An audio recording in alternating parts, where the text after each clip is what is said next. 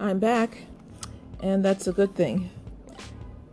Mornings I wake up grateful, and then terror tries to keep me company. Terror, because for me, what I'm going to do now, in the moment, is a slippery thing. I can't get my hands on it yet. Thoughts of the past and worrying about the future routinely decimates my now. You do not want the past and the future to get a stronghold on your now or else it'll be hard to get anything done. This morning I settled down and I remembered I promised this and this is happening now. I can't worry about not having a microphone or if the sound quality is good enough or if it sounds like um I'm reading or if I'm using the right words or the right terms.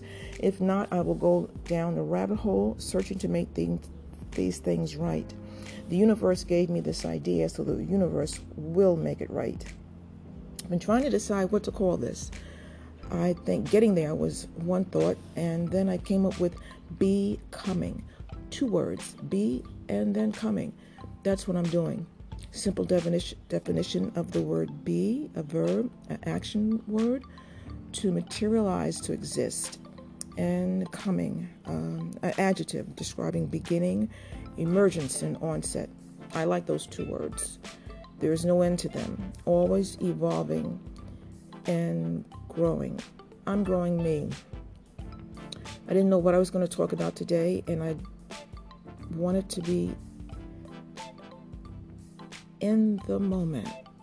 And I'm looking at a painting that I worked on this morning.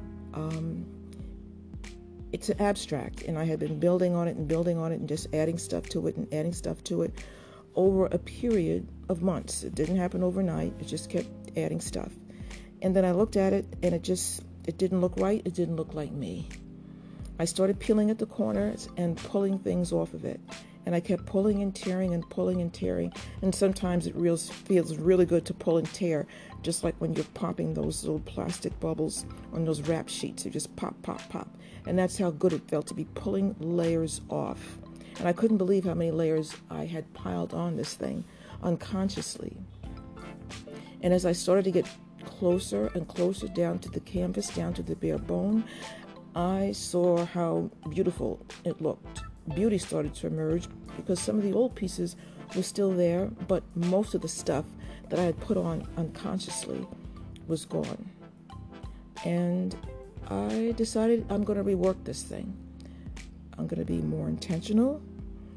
I'm going to work in the now and see what evolves. See you later.